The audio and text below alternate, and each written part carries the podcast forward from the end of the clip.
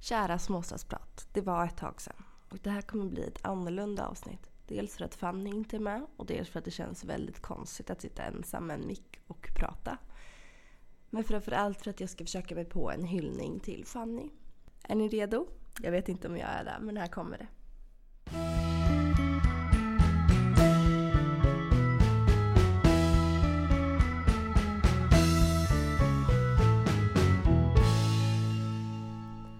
Min kloka, glada, omtänksamma Fanny. Tänk att det redan har gått ett år sedan. Ett år sedan vi stod där tillsammans på samma arbetsintervju och såg varandra som världens största konkurrenter. Där och då skulle jag nog aldrig kunna föreställa mig att vi skulle bli vänner. Du såg så himla snäll ut, var så trevlig, stod där med ditt blonda långa hår och dina blåa glittrande ögon och jag kände att jag inte hade chans i världen mot dig.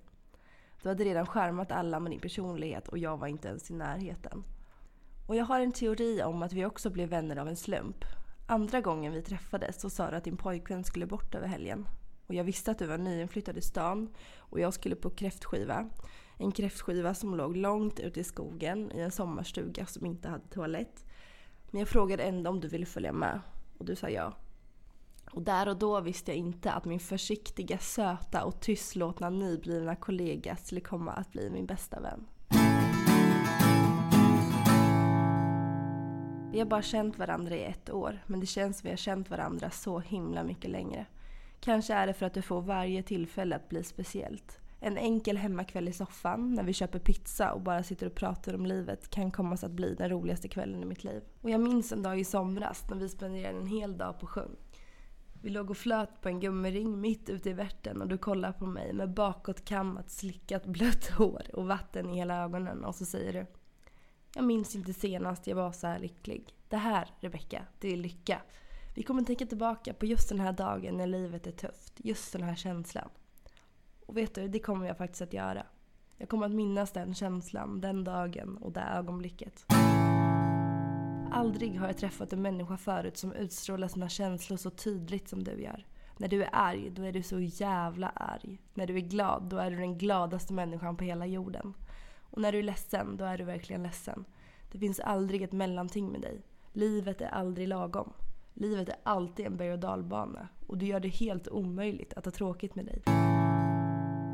På lördag flyttar jag till Stockholm och det kommer inte bli några mer avsnitt av Småstadsprat. Inte än på ett tag i alla fall. Vi kommer inte att åka och träna varje morgon, vi kommer inte längre bo på samma gata och jag vet att det suger.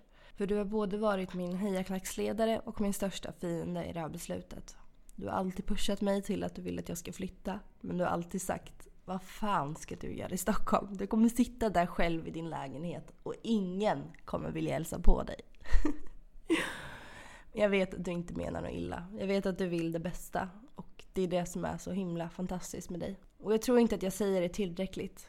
Men jag ser verkligen upp till dig min Fontana. Du inspirerar mig med din styrka och din godhet. Vi förstår oss inte på varandra hela tiden. Vi håller inte med varandra jämt. Vi hamnar i heta diskussioner. Vi ber om ursäkt. Men efter varje bråk, efter varje diskussion, efter varje missförstånd får jag ett kvitto på att jag aldrig skulle klara mig utan dig. Min drivna, konstiga, galna, vilda, starka solstråle. Sluta aldrig skina med ditt skratt och din energi. Sluta aldrig gå över eld och vatten för de människor du älskar. För utan dig Fanny hade jag aldrig startat en podd. Jag skulle inte ha firat midsommar på jordens finaste ställe. Jag skulle inte orkat stå upp för så mycket som jag har gjort det senaste året. För det är tack vare dig jag har skrattat lite högre, orkat lite mer, jobbat lite hårdare, tränat lite bättre. Men framförallt uppskattat livet mycket, mycket mer. För det visade sig att den där söta, snälla och trevliga tjejen jag mötte för ett år sedan inte bara var söt och snäll. Det gömde sig en hel värld bakom den fasaden och jag är så, så tacksam för att jag fick bli en del av den världen. Men det är inte bara jag som fick bli en del av den världen. Våra bästa vänner, Maria och Kajsa, släppte du in med öppna armar i ditt liv. Och jag minns jag försökte beskriva dig för dem. Hon är snäll, hon vill alla väl, hon är försiktig, lite tystlåten. Och så avslutar jag med det går inte att inte tycka om henne. Men jag tror att de hamnade i samma chocktillstånd som mig. För det var ingen tystlåten tjej som kom med på kräftskivan den kvällen. Du tog plats, du fick alla att skratta, du visade vem du var och lät ingen sätta sig på dig. Men framförallt så tog du oss alla med storm. Och det var efter den kvällen Pretty Woman bildades. Tre blev till fyra och ni tre är de bästa kvinnorna i mitt liv. Jag vet att du tycker att det är jobbigt att jag flyttar. Men jag vill att du ska veta att vår resa slutar inte här. Ingenting kommer att förändras. Jag kommer alltid, alltid att finnas för dig. Inte ens 22 mil emellan oss kommer att ändra på det.